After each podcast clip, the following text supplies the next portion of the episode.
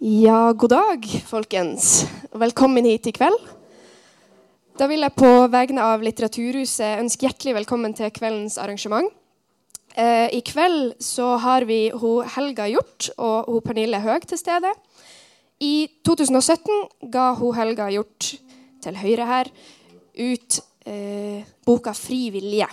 Eh, og boka var en reaksjon på søstera Vigdis Hjort eh, sin omstridte roman 'Arv og miljø'. I 'Arv og miljø' var det tydelig at forfatteren bevegde seg på ei tynn linje mellom fiksjon og virkelighet. Og i 'Fri vilje' forteller Helga Hjort historien fra den andre sida. Hvordan er det å få hele sin person skildra gjennom en anerkjent forfatters fiktive slør? I kveld eh, gjester Helga Hjort Litteraturhuset for å samtale om virkelighetslitteraturens bruk av personnære eh, opplysninger, kan man si. Litteraturviter Pernille Høeg eh, skal lede oss gjennom samtalen. Og boka er også til salgs, og det er vel mulighet for å få den signert etterpå. regner jeg med. Yes. OK, gjennom en varm applaus.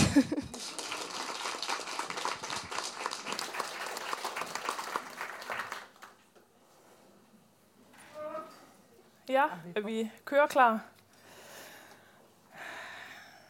Velkommen til. Tak. Og tak, fordi du ville komme. Mm-hmm. Øh, jeg har glædet mig meget til den her samtale. Øh, som der blev sagt, så har du jo skrevet Fri Vilje, som udkom i 2017, på baggrund af din søster Vigdis Hjort sin roman Arv og Miljø. Mm. Øh, og det satte jo gang i en øh, voldsom debat øh, omkring virkelighedslitteraturen. Øh, og det er jo den debat, vi skal tage fat på i aften. Mm. Øh, vi skal tale lidt generelt om din roman, om hvordan det har været for jer som familie, men også for dig som enkeltperson at blive brugt i romanerne til en af Norges nok mest omtalte forfattere. Øh, og vi skal tale lidt om den debat, der har været af flere omgange i efterkant af jeres romaner. Øh, og sådan lige til orientering, så tager vi en, en pause, sådan cirka midtvejs, og så til sidst er der mulighed for at stille spørgsmål. Øh, første gang jeg læste din roman, der sad jeg igen med en følelse af frustration, tror jeg. Øh, fordi jeg havde jo netop læst Arv og Miljø, og, øh, og jeg blev dybt berørt af den fortælling. Øh, jeg havde læst den udelukkende som fiktion, for jeg havde ikke noget kendskab til Vigdis Hjort, sit forfatterskab. Jeg var øh, en uvidende dansk læser, øh, og kendte ikke til den måde, hun er blevet omtalt på i medierne. Så selvfølgelig så læste jeg det som fiktion, for jeg kunne ikke rigtig andet. Samtidig så havde jeg også vældig lyst til at tro på Berglot, på hovedpersonen i Arv og Miljø, fordi hun kommer med de påstande, hun gør. Og jeg synes jo, det var frygteligt, at den her familie i romanen ikke tror på hende. Øhm, og der er jo litt den her uskrevet regel om, at man alltid må tro på offeret. Øh, og din roman fik jo den her regel til at vakle for meg. Og når jeg læser, så tror jeg, at jeg har et generelt behov for at vide, hvem jeg, øh, hvem jeg skal tro på. Hvem som er de gode, og hvem som er de onde. Og det er med, med den forudsætning, jeg læser. Øhm, men det bliver så vanskeligt at, at tage parti i det her tilfælde, fordi begge romaner er så insisterende, øh, føler jeg. Men samtidig så vil jeg jo gerne bare læse dem som det, de var, som romaner. Øh, men, men det blev på en måte umuligt for meg da jeg hadde læst din roman, fordi det er fortellingen om en fortelling om noe virkelig i romanform. øhm, og jeg tror, hvis jeg skal være helt ærlig, så hadde jeg nok besluttet meg for på forhånd, hva for en fortelling jeg synes bedst om, allerede innen jeg leste din roman. Øh, og det var med den beslutning, at jeg begynte min læsning. Øh, og det hadde vært så enkelt at holde fast i denne beslutningen at, at begge er romaner, at Berglot har vært utsatt for et overgreb, øh, at familien ikke tror på hende, og nu vil familien forsvare seg selv. Og jeg kunne ha valgt å lukke ørene for det her forsvar, øh, men det har jeg så ikke gjort. øh, så nå kunne jeg godt tænke meg å vite hvorfor du har valgt å skrive fri vilje, øh, hvad dit formål var, og hva du føler, du har fått ut av å skrive romanen. Um, altså, hva, hva, skal man gjøre liksom, når man blir utsatt for et sånt uh, angrep som det vi ble i uh, min søsters uh, roman?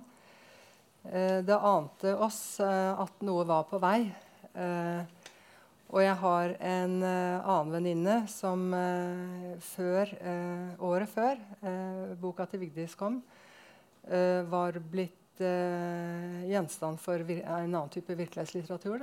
Uh, og hun var helt uh, fullstendig fortvilet. Og vi, vi, gjorde en del undersøkelser om det. hva slags rettigheter har man? Og, og, det virket jo veldig sånn håpløst. Men, men, men, så tenkte vi også det at hvis det var, det var en bok som kom på Oktober forlag, det da, så tenkte vi at hvis det forlaget hadde visst hva den boka egentlig var, så kunne de jo ikke gjort det. Mm hadde, fordi at sånn tenker man liksom, Jeg har ikke vært noe sånn, jeg har ikke vært opptatt av litteratur eller lest masse bøker. Så jeg har liksom ikke helt visst hva som har foregått. Så jeg har sikkert vært kjempenaiv. Eh, fordi at eh, jeg tenkte sånn da at hvis, hvis eh, Oktober visste hva det egentlig var, så kunne de ikke gjort det. Det var jeg helt sikker på. Så, så når vi begynte å skjønne hva Vigdis holdt på å gjøre, så tenkte jeg at nå må jeg ringe til forlaget, for da kan jo ikke den boka komme. Men det var jo ikke sånn i det hele tatt. Uh, og så tenkte jeg hva, hva, dette, ikke, dette, er jo helt vanvittig. Vi kan ikke ha det sånn. tenkte jeg. Uh, og så tenkte jeg at hvis det eneste man kan gjøre, er å skrive en roman, så får jeg gjøre det. da. Og så gjorde jeg det. Uh, og, og, så tenkte jeg at Så jeg begynte på en måte på å, å skrive denne fortellingen før egentlig boka til Vigdis kom. og så så jeg hva det var, og så tenkte jeg at her, eh, her er det noe som fortjener et uh, forsvar. Eh, og så jeg, prøvde jeg å skrive en roman. Da, å, og da tenkte jeg at uh, når folk skjønner, når alle leserne skjønner hva som foregår, da slutter de jo Da vil de ikke lese sånne bøker. Men sånn var det jo heller ikke. Mm. Så jeg har jo lært en del da, mm. om ja, jeg har lært liksom om også at det er veldig vanskelig å egentlig formidle, uh, formidle hva det er som foregår uh, bak kulissene, og, og, hvordan dette virker. Det er, uh, det er kjempevanskelig. Vel, og det, jeg, skjønner, jeg skjønner Jeg har jo lest Jeg leser jo bøker sjøl, så jeg vet jo Det er ikke noe vanskelig liksom, egentlig for å forstå det, men jeg blir jo helt, det er veldig sånn fortvilet og ikke, at folk ikke skjønner, liksom. Mm. Mm. Men det du sier, at du holdt på å skrive romanen allerede før Vigdis sin roman udkom, øh, altså var du lidt i sådan en forsvarsposition på forhånd, kan man, altså kan man måske sige sådan. Altså selvfølgelig vidste du, mm. at den her roman ville komme, og hvad den ville, øh, hvad den ville indeholde, men du kendte jo ikke reaktionerne på romanen.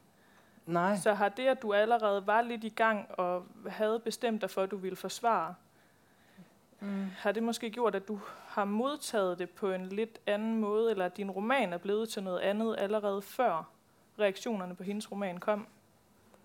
Uh, nå, hva, dette skjønte jeg ikke helt. Hva, uh, altså det at du uh, du fra, som et utgangspunkt var i forsvarsposisjon mm. da du skrev din roman. Mm.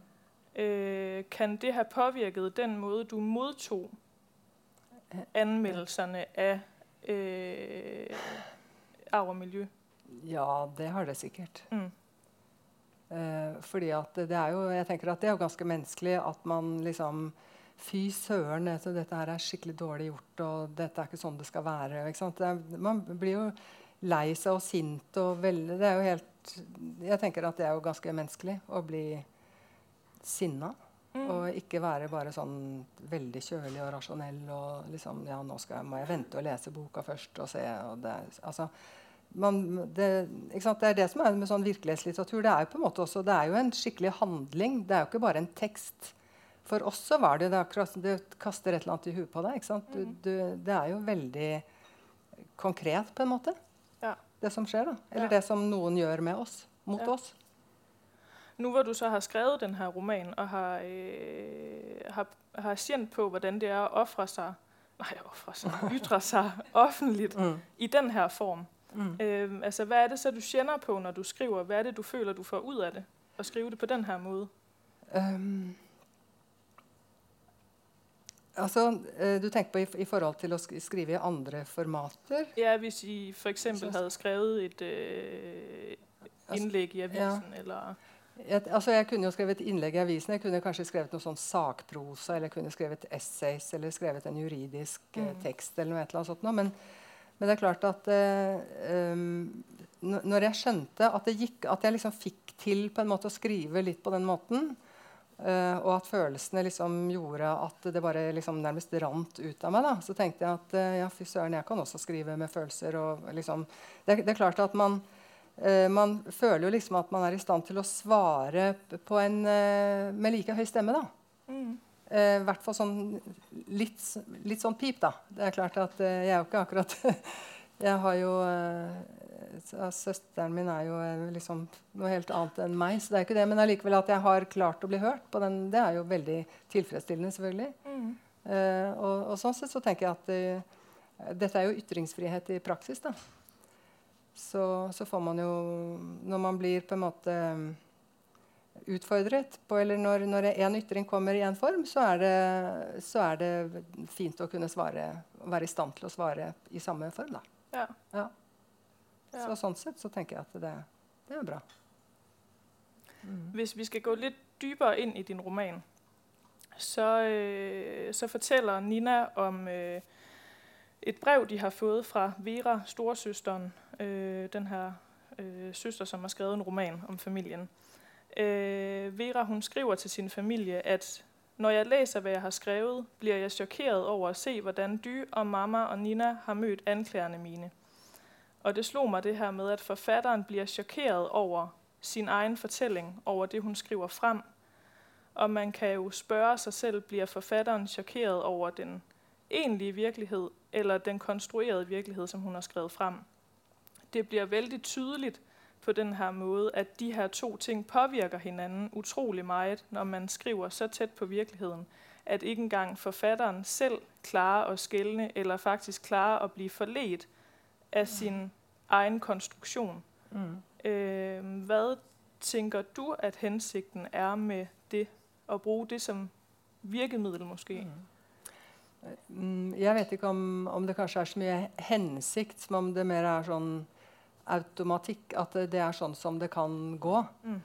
Uh, og, um, og, og det er vel kanskje sånn som uh, Hvis jeg skal snakke om denne personen i boka, da, tenker at, uh, at nå sitter hun og skriver ting og liksom finner på ting som hun tror det sjøl. Mm. Og så og jeg, og jeg har jo merket selv, fordi at det, og det har jo vært veldig interessant, å, og på en måte mm, å gjøre de erfaringene av hvordan man liksom blir revet med. Jeg har jo merket det selv. Det er jo det er en veldig eh, merkelig prosess. Og, så, så sånn sett så har jeg på en måte skjønt litt mer av jeg tror i hvert fall, det kan Alle forfattere gjør sikkert dette på ulikt, men jeg innbiller meg liksom at jeg har skjønt litt mer av hvordan eh, hun også jobber Mm.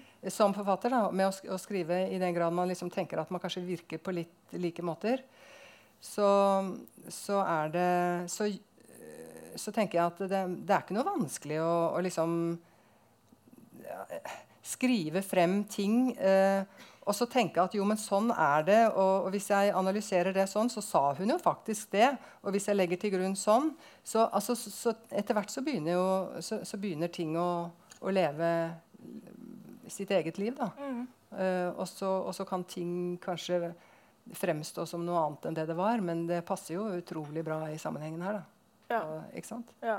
ja, for det er jo nettopp også det, at det er almen kendt, at fortellingen om en fortelling eller en fortelling om en hendelse kan være mer sensasjonell Mm. enn den egentlige hendelse, Ja. Fordi man jo i gjenfortellingen øh, efterrationaliserer og fortolker. Så derfor så blir fortellingen om en hendelse kanskje også mer interessant Mm. enn den egentlige hendelse.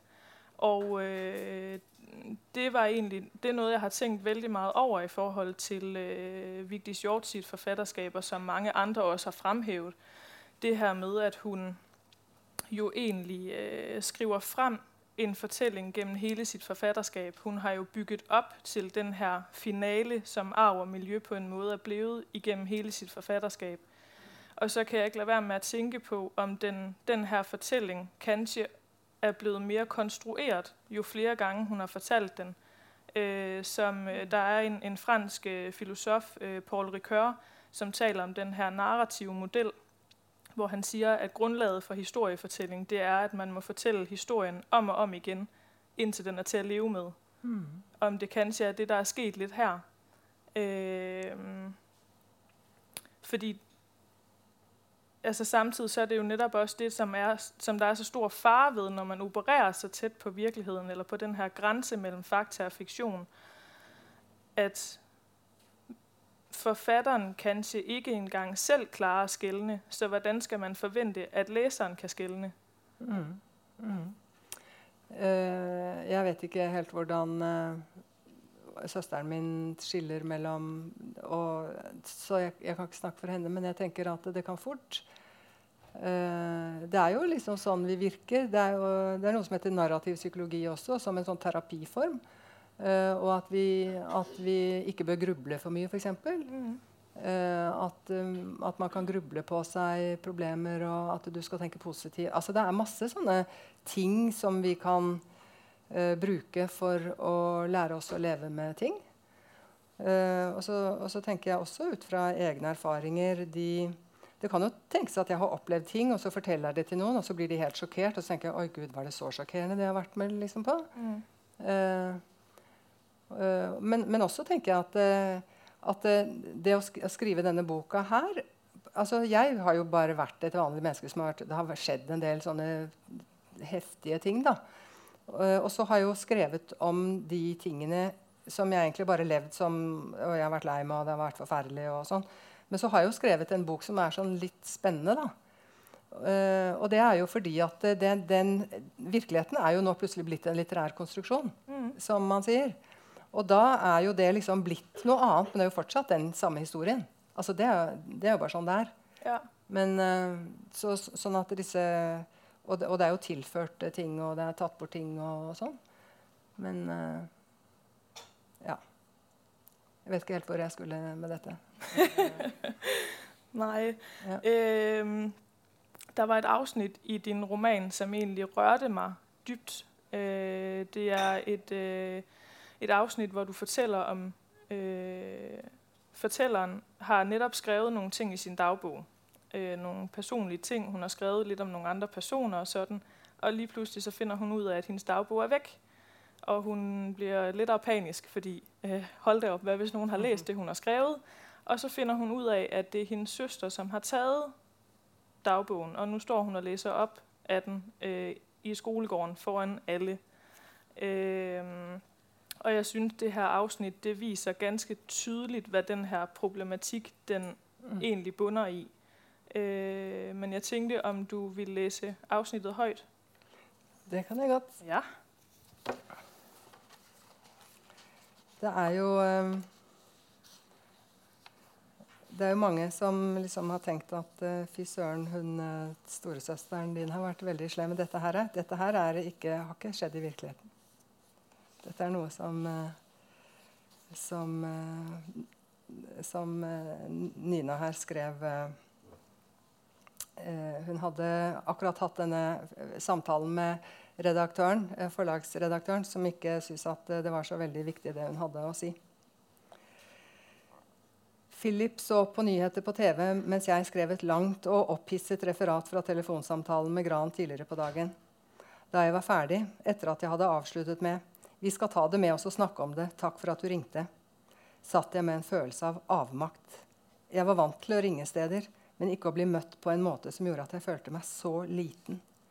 Jeg åpnet et nytt ark og begynte å skrive på noe annet. Det kom nesten helt av seg selv. Mareritt.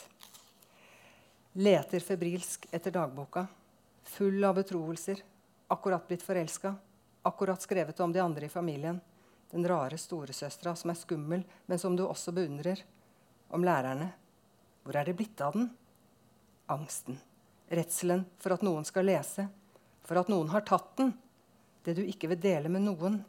Men behovet for å rydde i tankene. Behovet for å skrive, få orden. Behovet for å være privat, være i fred. Hvor er den? Skolegården. Høying, latter, truende stemning. Elevene flokker seg om noe. Noen som har klatret opp på fontenen, som har entret scenen. Som står og deklamerer, skraller, geberder seg, leser fra din dagbok. Din søster, hun har stjålet den. Hun har virkelig gjort det. Nå står hun og leser for alle som vil høre. Dramatiserer, latterliggjør, karikerer. Hun finner på også. Dette kan hun. Det er mesterlig gjort. De vil høre mer. De vet hvem du er. De vet hvor forbudt det er. De vet hvor slemt det er, men de klarer ikke å la være. De roper 'Les mer! Les mer!' Løpe desperat frem, bane seg vei gjennom mengden, klatre opp på fontenen, prøve å nå opp, få tak i boka. Tårene står i øynene. Du hikster, får det ikke frem. Din søster strekker armen i været, holder den åpne boka høyt over hodet, ser på deg, triumferende. Hun er større, hun har kontrollen. Publikum elsker det. Fortvilelsen, de desperate forsøkene på å avslutte forestillingen gjør det enda mer spennende. De ler, peker. Rektor kommer til. Hva skjer her? Endelig, en voksen. Noen kommer og vil beskytte deg. Men rektor dytter deg unna.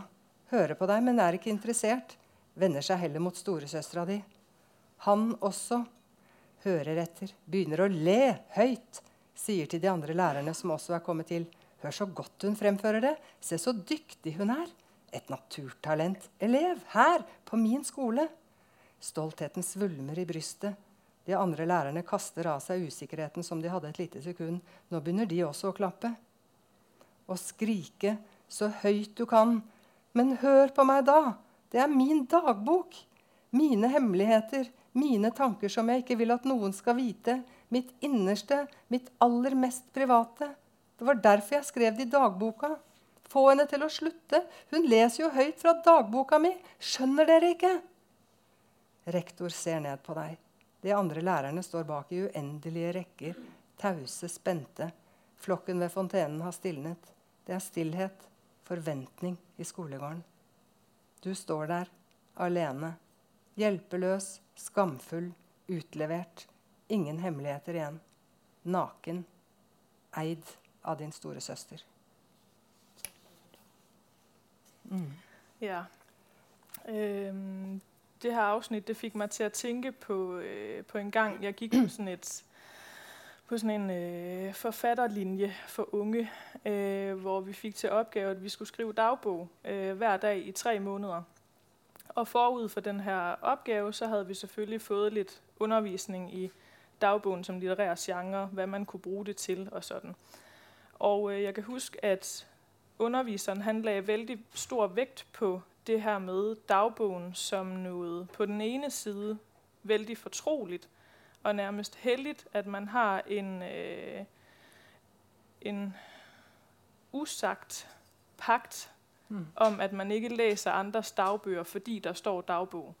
Men samtidig så er der også ting, man aldrig nogensinde vil skrive i en dagbog. Og jeg kan huske, han brugte som eksempel, at hvis han var sin kone utro, så ville han jo aldrig skrive det i sin dagbog. Øh, vi fik ikke at vide, hvad vi skulle bruge det her dagbogsprojekt til. Vi fik at vide, at vi skulle bare skrive. Øh, og jeg klarede ikke at skrive noget som helst, fordi jeg turde ikke, for jeg vidste ikke, hvad det skulle bruges til. Mm. Øh, og øh, jeg fremlagde min, min problematik for underviseren, og han sagde, at så måtte jeg forsøge at se bort fra det her med dagbogen. At så måtte jeg forsøge at bare at holde på, som jeg plejede, og kanskje tilføje det lidt fiktion. Og så, så åbnede det sig for mig. Så, øh, så klarede jeg at skrive vældig, vældig personlige ting, faktisk. Fordi at jeg fik muligheden for at skrive fiktion. Øh, jeg fik muligheden for at opdigte nogle karakterer, som havde oplevet det, som jeg havde oplevet. Men det trængte ikke nødvendigvis at have noget med mig at gøre. Mm. Og det gjorde, at jeg lige pludselig kjente på en stor øh, frihed. Øh, men den her frihed kan jo også så let blive lidt risikabel, fordi man i den her proces glemmer, at det er en selv og andre mennesker, levende mennesker, man skriver om. Mm. Og man glemmer, øh, hvordan andre de vil modtage det. Og jeg tænker, hele det her, øh, den her dagbogsgenre, kan vel være et eller andet ubevidst trang til at ville øh, afsløres, eller i hvert fald, at man har en eller anden sårbarhed som man gerne vil vise, men man skal selv have lov at bestemme, hvad som afsløres, og i hvilken form, og foran hvilket publikum. Og man vil egentlig også gerne på sin vis have lov at bestemme, hvordan det bliver modtaget. Øhm, I begyndelsen, der læste jeg din roman som, øh, som et forsøg på sådan at holde på en facade, øh, og det var let at læse den som, øh, ja, at man måske ville sætte sig selv lidt i bedre lys. Men det er gået op for mig med tiden, at det er slet, slet ikke det, det handler om. Altså det handler om, at alle mennesker har ret til et privatliv. Hvad enten man har gode historier gemt de skabene eller ej. Øh, og at man ganske enkelt ikke fortæller andres hemmeligheder videre. Og det illustrerer du jo også i et afsnit i din roman, hvor du fortæller om øh, den her litteraturprofessor, som øh, storesøsteren Vera har et forhold til. Og den her øh, professor, han øh, arbejder på det samme universitet, hvor Nina hun, øh, hun er. Så det bliver på en måde Ninas opgave at viderebringe oplysninger om den her litteraturprofessor til sin storesøster, og føler det faktisk som en ganske fin opgave. Øh, men det bliver så afsløret, at hun er den, som viderebringer oplysninger, og det sætter hende i en ret vanskelig situation. Mm. Øh, Nina hun siger, øh, eller spørger i det her afsnit, alle deler hemmeligheder, tænkte jeg. Alle ved ting om andre, som de andre ikke ved, at de ved. Jeg prøvede at overbevise mig selv om, at det, jeg havde gjort, ikke var så galt, at det egentlig var Veras skyld, siden det var hun, som ikke klarede at holde på hemmeligheder. Og så kan man jo så diskutere, altså, hvem er den skyldige? Er det den, som udfører de slemme gerninger, eller er det den, som ikke klarer at holde mund om det? Mm. Um, det, hva er en hemmelighet? Det er også et ja. uh, spørsmål. Fordi uh, det, altså det, det, flyter jo masse fortrolig informasjon mm. mellom mennesker. Og det at, at, du forteller noe til noen i fortrolighet, betyr jo ikke nødvendigvis at det er en hemmelighet, men det betyr at uh, du får vite noe om meg mm. fordi at jeg stoler på deg. Uh, men hvis jeg vet at du har tenkt å fortelle det til noen andre i morgen, eller skrive om det i avisen eller skrive roman om det, så vil jeg jo ikke fortelle det. Så, sånn at uh, jeg tenker at det fortrolighet, og som egentlig privat, den private sfære består av, Eh, det, det, handler om steder hvor du kan slappe av, og hvor du kan være deg selv, og hvor du kan på en måte tørre å være fortrolig. da. Uh, som jeg tror at, uh, vi, at, alle mennesker trenger som et, sånn, har et grunnleggende behov for å ikke føle at liksom, noen henger over skulderen på deg og skal bruke, bruke deg på noe vis. Uh, og at, at, tillit også liksom eh, fortrolighet er, blir en sånn type lim. Vi driver også og deler eh, Vi er åpne med hverandre. Jeg er åpen med deg, og du er åpen med meg. Og så knytter vi noen bånd. Mm. Eh, og at jeg har eh, delt noe med deg, uh, og du vet at du er utvalgt til å være en som får vite noe om meg. Det gjør at uh, det skapes et bånd uh, som gjør at uh, hvis jeg får det skikkelig vanskelig, så tror jeg at du stiller opp for meg fordi at du, du, du vet at du betyr noe for meg. Og, og, sånn tror jeg at vi mennesker er avhengig av å leve i, i, tillitsfulle relasjoner for å klare liksom, å mm. uh, ha det bra sammen. Da. Ja. Og for å føle en trygghet i tilværelsen, og for at vi, liksom, at vi lever i et samfunn hvor vi, hvor vi rett og slett uh, har en sånn type forutsigbarhet som går ut på at vi, vi skjermer hverandre og beskytter hverandre og passer på hverandre. Da. Og en del av det tenker jeg er å at vi ikke går og sladrer og baksnakker hverandre og utleverer andre. og sånn. Mm. Ja. Jeg tænker, at det er vel også derfor, at det føles som så stort et overgreb, at mm. der så faktisk bliver skrevet en mm. roman om alle de ting, man trodde troede, man var fortrolig omkring. Mm. Ikke? Mm. Og særligt det, når det er et uh, familiemedlem. At man har jo også en forventning om, hvad en familie er, eller hvad man kan tillade sig ja. i en familie. Ja det er jo en, en speciel relation. Mm. Og når man så øh, lige pludselig får, øh, får offentliggjort alt det i, øh, i noget, som er tilgængeligt for alle, altså det må jo mm. føles nærmest som et overgreb til mm. her. Mm. Som du siger, at, at tilliden er jo, er jo brudt.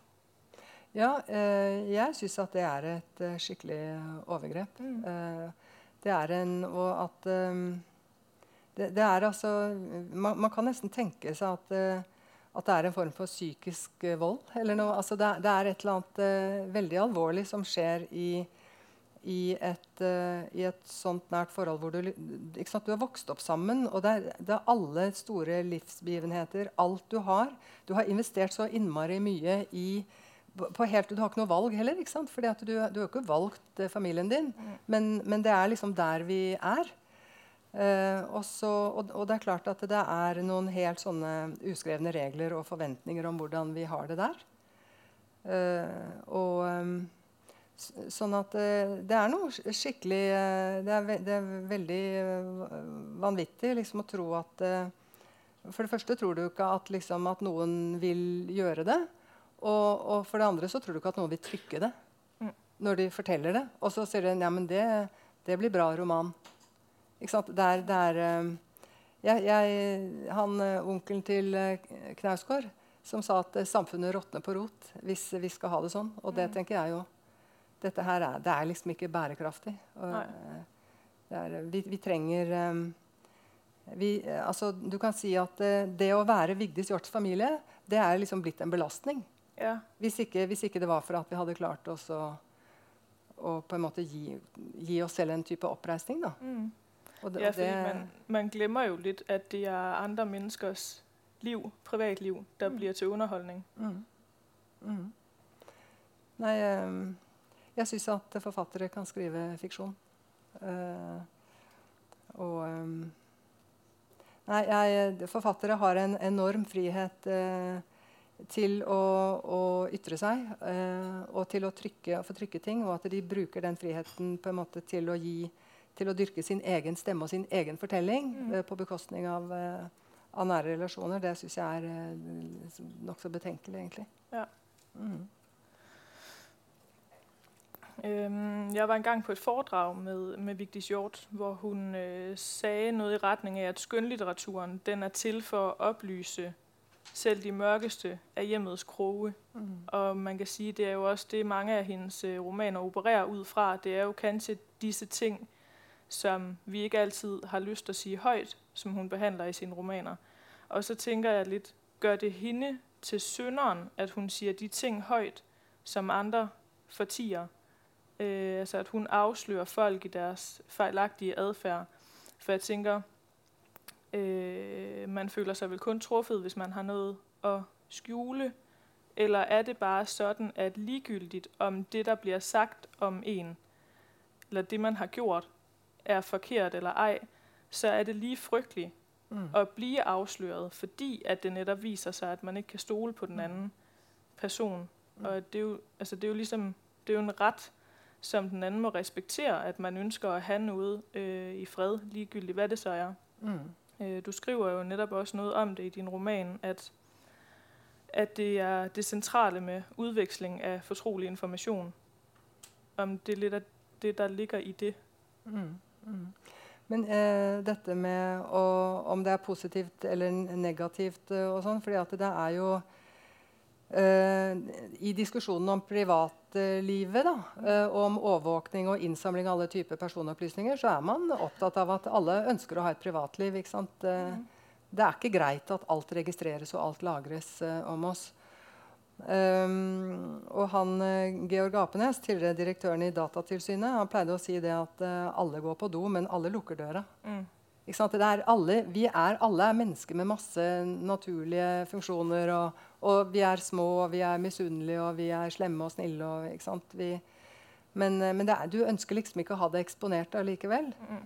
Og det syns jeg er godt at eh, vi kan uh, ha respekt for, uh, for akkurat det. Og, og skal du på en måte eksponere uh, Opplyse de mørkeste kroker, så trenger du ikke liksom opplyse kroken til søsteren din, eller der hvor søsteren din sitter. Du kan, du kan gjøre det generelt, på en måte. Eh, og, og skrive om noen andre enn eh, ekte mennesker. fordi at eh, jeg syns liksom ikke at Egentlig så, så blir det jo bare forstyrrende. fordi at det enkeltindividet er kanskje ikke det mest interessante i en større samfunnsdebatt. Mm. Det er fenomener Ja. som er interessant. Og da kan man skrive om fenomenene i stedet for uh, konkrete enkeltpersoner. For det er ikke de som er så fryktelig interessante. Nei. Uh, men tror du kanskje ikke også, det er den oppfattelse forfatteren selv har, når, øh, når forfatteren skriver om enkelte Mm. at det er meningen, det skal være et fenomen. Jo, jo det er det sikkert. Ja. Ja, Og at, eh, og at eh, derfor, og det, ikke sant? og det er sånn de snakker om arv og miljø også, at den virker sånn, at den er så allmenn. Og, at det, at, eh, og, det, og det er klart at det er jo heller ikke så rart at det kan fungere greit. fordi at alle er jo mennesker, så du kan jo ta fatt i et hvilket som helst menneske og skrive et eller annet allment. Mm. Men, men da kunne man jo istedenfor å ta tak i et ekte menneske, kan du ikke liksom klare å lage noe allment ut ifra summen av flere mennesker du har møtt, kanskje? Mm. eller noe sånt? Ja, ja, det er riktig. Men, men netop det her med, med det gode og det dårlige, så altså, der er et spørsmål, jeg har tænkt vældig meget på. Også hvordan jeg skulle formulere det, fordi umiddelbart så er øh, svaret ret indlysende. Men jeg tænker alligevel, der er noget mere bag. Det her med, om der er forskel på at blive skrevet om, hvis det, der står, er negativt, end hvis det er en positiv fremstilling. Mm. Og altså igen, jeg kan godt høre, det er ret, det er ret indlysende. Selvfølgelig mm. så er der forskel på det, ikke? Men jeg tænker, hvorfor, altså, hvorfor er det anderledes? Vil man også reagere øh, eller have samme behov for at tage til genmæle, hvis det, der blev skrevet om en, var positivt? Altså, fordi jeg tænker, trangen til at tage til genmæle, den grunder vel i, at man har følt sig uretfærdigt behandlet, Mm. eller at den fremstilling, som er kommet frem om en, ikke stemmer overens med den måde, man føler, man burde være blevet fremstillet på. Øh, altså selvfølgelig så er der jo stor forskel på, hvad man anklages for, men jeg tænker, der er jo alligevel noget problematisk i det her med, at det udelukkende er de dårlige versioner om mig selv, vi reagerer på og har mistanke til. Fordi de her dårlige udgaver, de kommer jo ikke af sig selv. Altså man er jo altid med til at skabe fortællingen om sig selv, men at det kanskje er fortolkningen av ens person, som jo er overladt til andre, som man ikke er herre over. Og at det er det, der måske gør, at man føler behov for at, øh, at ta til genmæle, eller hvad? Ja. Jo, ikke sant? Men det er i det hele tatt det å bli fortolket av en annen i det offentlige rom, det Ja. er ekstremt ydmykende. Mm. Det er, det, er, det er akkurat som et, et barn. Du, som, du liker ikke at foreldrene dine går og forteller om, om deg og sier 'se på henne nå', se hva hun, 'hør hva hun er, hun ikke søt'? Og, Mm. nei, nå, ikke? Det, er- det er liksom det med å bli håndtert og, Ja. bli, og bli brukt og definert. Eh, så, så det er selvfølgelig det er mye verre å, å si og, bli lagt ut som et skikkelig forferdelig dårlig menneske. Det er jo helt forferdelig. Men, men, men det å øh, Og det er, det er klart at uh, de, de fleste som, uh, som blir liksom altså jeg, te- jeg tenkte på dette her at man sier at i, på jobben, f.eks., så, så sier man at du skal gi ros i, i det offentlige rom, og så Mm. skal du gi ris på ene i, på tomannshånd. Og, og, det, og ellers også i forvaltningen. ikke sant? I, jeg som er jurist og har jobbet i forvaltningen, så er det, står det i forvaltningsloven at du, skal, du har taushetsplikt om ting det er vanlig å ville holde for seg selv. Mm. Og det er typisk ting som ikke er noe sånn særlig bra. Eh, jeg, har ikke, jeg har ikke rett til å fortelle at noen har vært straffedømt, men hvis noen har fått kongens fortjenestemedalje, så er ikke det siste taushetsbelagt. Mm. Og det, det, altså, det er helt naturlig.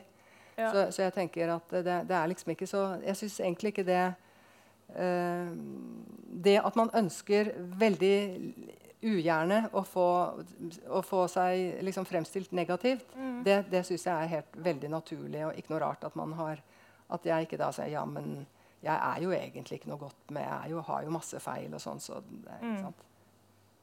Men er det øh, kanskje ikke også en måte å skære bort noen versjoner på? Altså jeg tenker som, som det som, som Vigtig sier med å belyse selv de mørkeste af hjemmets kroge. Mm. Hvis man ikke i det offentlige rum kan sige negative ting om, øh, om andre, så er der jo en del, der, så er der en stor del, der bliver skjult. Øh, Jo, men, altså, men hva, hvilken hensikt har det La oss si at hvis hun hadde sagt noe stygt liksom, om meg i en roman, mm, hvorfor må hun det? ja. Eller hva, blir, Ellers så blir det noe skjult liksom, i samfunnet? Er det Ja. den mørkeste kroken? Ja, jamen, ja, altså sådan lige vurdere hensikten med å fremhæve deg Ja, men jeg eller den, at det den spesifikke personen. Altså, hvis, altså, du kan si at Hvis man har, mener at noen andre har begått et straffbart, for, gjort et eller annet veldig Mm. forferdelig alvorlig som må komme frem, Ja. da må det håndteres på en ordentlig måte. Ja. Da, da synes jeg at da må man liksom eh, ta det opp på en måte, så må man snakke sammen og så må man undersøke hva som har skjedd. Og, og hvis det er noe virkelig alvorlig kriminelt, så bør man gå til politiet. Eller, altså, Mm. Man kan ikke skrive en roman fordi at eh, jeg må sette flombelys på det jeg oppfatter er, er deg. Mm. eh, fordi at ellers så blir det liksom skjult. Mm. Eh, jeg klarer ikke helt å se at, at det skulle være så fryktelig viktig å få moren sin flombelyst i det offentlige rom liksom, fordi du har noe imot henne. Nei. Fordi ellers så, Det ville være veldig forferdelig hvis det skulle bli skjult. Ja. Ja, fordi det er kanskje også den måde, det ofte blir gjort på i romaner og i litteraturen generelt, at man har vel altid en tendens til at lade fortælleren eller protagonisten være den gode, som kæmper mod, eller som bliver udfordret af antagonisterne, som på sin vis kan komme til at fremstå litt som bødler. Øh, og, men det er, jo, det er jo bare i fiktionen, at det er så sort-hvidt. Øh, Mm. Men det provokerende ved den her virkelighedsgenre er kanskje, at forfatteren trekker fiktive virkemidler inn i sin fortelling om virkeligheten, og gør de her fiktive retningslinjer til love og regler, som man har en forventning om, også kan den gælde i virkeligheden. Øh, og at deres fortælling så bliver behandlet derefter. At, at det bliver en måde sådan at kunne operere uforstyrret på begge sider Mm. af fiktion og virkelighed. Mm. At det så er det, der trigger, at, at det gør ekstra ondt, Mm. fordi man, man som den, der bliver skrevet om, ikke kan gøre noget Nej. mod det. Nei, for ellers i, i men, møter mellom mennesker så, så, så, er, så er det interaksjon. ikke sant? Men, men når du så, så jeg tror også at ikke sant, hvis du først skal skrive skikkelig forferdelig om noen i en bok, da så øh, og, og hvis du på en måte også kompenserer med å fortelle noe forferdelig om deg selv, Mm. så vil ofte grunnen til at du er så forferdelig og skriver sånne forferdelige ting, det er jo fordi at det mennesket virkelig er forferdelig. Helt forferdelig. Sånn at det, det, det eskalerer på en måte. fordi at du må, du må jo begrunne det at du skriver noe veldig forferdelig om et annet menneske, er jo fordi at hun er jo så forferdelig. Eller dette andre mennesket er jo sånn. Så, og jeg, og jeg tenker på når jeg leste Jeg tittet litt på den bind 6 av Knausgård, hvor han på en måte skal forklare og rettferdiggjøre dette bokprosjektet sitt, og hvordan han, hvordan han begynner liksom å, å, å, å skrive om alt hvor forferdelig denne onkelen er. Mens han selv er et sånt såret lite barn som bare sitter og har angst og er redd for faren sin. Og er egentlig en sånn liten gutt som bare er sånn. Og, og, så liksom, og on, onkelen er blitt fly forbanna. Mm. Og så, og, så, og så må han liksom ta imot sinnet til denne onkelen, og så må han eh, lure på ja, men hvorfor er han så sint. Eh, fordi at jeg gjør dette. Eh, men han, han finner jo på en måte ut at grunnen til at han gjør onkelen sin så sint, det er jo fordi at det må han fordi at det, han og onkelen er så forferdelig. Mm. Altså, det, det, eh, og så sitter på en måte forfatteren med bukten og begge endene og bestemmer alt. Bestemmer hvor liten og hvor sårbar og hvor redd og hvor eh, sår og hvor liksom alt veldig sånn skjørt vesen, forfatteren. Mm. Mens, mens de andre kan jo skrives frem akkurat så, så tøffe og forferdelige og grusomme og slemme. og sånn. Så, sånn at eh, eh, det å på en måte bli viklet inn i en sånn der, eh, fortelling hvor alt skal gå opp, og hvor du ikke liksom har noe Ja, det, det blir litt sånn uh, mulig litt sånn kaotisk fremstilling her, men det er, eh, det er noe sånn eh, Det er akkurat de mekanismene du, du snakker om, som også gjør at det å bruke familien sin, fami andre familiemedlemmer som antagonister når, når du skal lage en skikkelig god roman Mm. hvor, hvor du skal virkelig få stramme hvor, hvor du skal få stramme linjer og liksom få konfliktene liksom virkelig til å bli tøffe, da, Ja. så, så, er du, eh, så ligger du veldig tynt an. Altså. Ja. Jamen, fordi det er, det er kanskje det, man ofte glemmer litt som læser. At det er jo forfatteren, som har fat i den lange ende, når alt kommer Mm. til alt. Det er jo Mm. forfatteren, der bestemmer nøjagtigt, hvad der skal siges, og hvad der ikke skal siges. Og i hvilken sammenhæng, og med hvilket formål. Mm. Øhm, du øh, nævner også på et tidspunkt det her med, at skønlitteraturen den fortæller bare noget af sandheden. Øh, og kanskje den sandhed, som man ønsker at høre, eller ønsker, at andre skal høre. Øh, Nina, hun spørger i romanen, bliver man mindre løgnagtig, hvis man er ærlig om, at man lyver? Og man kan sige, at i tilfældet med virkelighedslitteratur, så fortæller forfatteren jo en konstrueret historie fra virkeligheden, for at få en sandhed frem Mm. om virkeligheden. Altså de, de lyver for at få sandheden frem, kan man si. sige. Øh, og i det her konkrete tilfælde med jeres romaner, så blev man jo lidt enige om en version, som man havde lyst til at tro på, altså offeret sin version, fordi man føler, det er det, man må. Øh, og i den her offentlige debat, der har vært om virkelighetslitteraturen, så har flere, øh, jeg, eller jeg har bidt mærke i, at flere har sagt noe i retning av at man skal bruke litteraturen øh, som et rum for erkendelse og for forskellige måter å se tingene på. Mm. Men så synes jeg, at der er noget paradoxalt i det her med, øh, at man beslutter seg for, hva for en version man vil lytte til. Fordi altså, jeg har nettopp hørt riktig mange sige, at de ikke har læst din roman. Mm. Øh, fordi at det er for, for forferdelig, for fryktelig å tenke at en familie ikke skulle tro på, at der er en, der er blevet utsatt for overgreb. Mm. Øh, men, øh, men så er man jo ikke så åben mm. for flere forskellige versjoner. Det, og det syns jeg er veldig sånn, ironisk eh, og interessant. Eh, den parallellen til For jeg tenker at hvis man har lest 'Arv og miljø' og føler at man har lært noe, så burde man jo virkelig lese tørre å lese den andre mm. versjonen. Fordi at det, eh, arv og, så jeg tenker at Arv og miljø handler om fornektelse og fortielse og, og vanskelige følelser i, i, møte med historier du egentlig ikke har lyst til å høre. Mm.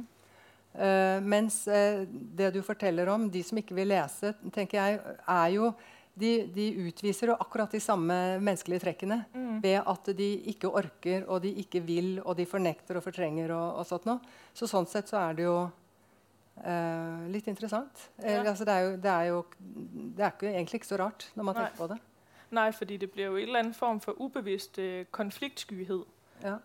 tenker jeg. at når man læser en roman, så vil man vel gerne gå til den så åbent som muligt. Man vil gerne være åben og fordomsfri over for det, for, som forfatteren har at fortælle. Men samtidig så er der også bare nogle uskrevne regler om, hvad man må gå med på. Og du er jo, øh, du udfordrer det jo virkelig mm. ved at stille spørgsmålstegn ved øh, den her påstand om, en, som siger, hun er blevet udsat for overgreb. Fordi vi har jo lært, at vi må tro på, når barnet kommer og siger, der er en voksen, der har gjort sådan her ved mig. Mm. Øh, det bliver lidt utrygt for læseren, og lige pludselig skal vende sig til en anden tankegang. Øh, og jeg, jeg tænker sådan lidt, at ofte så læser man jo for underholdningens skyld, eller for at der i hvert fald skal være noget genkendeligt. Mm. Og det er jo ikke spor genkendeligt, at der bliver stillet spørgsmålstegn ved et, et barns øh, påstand. Altså det bliver simpelthen for meget at forholde sig til på en eller anden måde. Mm. Ja. Mm. Det har du nok rett i. og så tenker jeg jo at det, jeg har jo på en måte også øh, Det er jo en litt kontroversiell fortelling på, på flere nivå også fordi at jeg går jo liksom jeg skriver jo om hva som foregår i en bransje, uh, om etikk i en bransje. Altså jeg skriver jo mer om virkelighetslitteratur synes jeg, enn om seksuelle overgrep. Mm. Uh, sånn at jeg, har, ut, jeg har liksom utfordret bransjen litt. og det tror jeg også er en Dette handler ikke bare om å ikke ønske å, å se å se en annen side av en mulig sånn incesthistorie. Det handler også om å og kanskje ikke ønske å se, å se hva egentlig forlagsbransjen holder på med. Mm. Tror jeg. At det, det er også en det er ganske stort tabu å utfordre rollen som kunstner og forfatter. Ja. Og at jeg som byråkrat og jurist har gjort det, tror jeg har provosert ganske mange. Ja. At det, det, er også en god grunn synes ja. til å ikke lese den boka. Ja. Mm. Disse, ja. Øhm, ja, for der kan man jo også øh, diskutere det her med, hvem som kan skrive en roman, og hvem mm. som kan skrive hvad, om hvilke emner. Og det er jo også noget, du kommer ind på flere gange i din roman. Øhm, Nina, hun, øh, hun siger, at øh, hvad ville det hjælpe at tage bladet fra munden, hvis ingen synes, vi havde noget, vi skulle have sagt? Øh, og der kom jeg til at tænke på, øh, her i høst har der været en sag om en svensk journalist, som øh, blev øh, anklaget for øh, nogle seksuelle krænkelser i forbindelse med det her MeToo, som har været øh, så fremtrædende. Øh, og han blev jo hængt ud som en offentlig syndebuk. Mm. Øh, Og senere så har han så skrevet en bog om sin oplevelse omkring det at blive anklaget for noget offentligt. Men der var ikke nogen forlag, der ville udgive den her bog. Øh, man valgte simpelthen at, øh, at lukke af for, at han kunne få lov til at fortælle sin version. Mm. Men samtidig så kom der en roman fra Thomas Espedal, også i høst, hvor han faktisk skriver om nøjagtigt det samme. Mm. Øh, en, som er blevet anklaget for voldtægt. Og så skriver han om sine oplevelser omkring det. Og ham vælger man at lytte til, fordi man kanskje har en, en forventning om, eller man har en kvalitetsmæssig tillid til, øh, til ham som forfatter, at han skriver det i, øh, i en form, man har tillid til.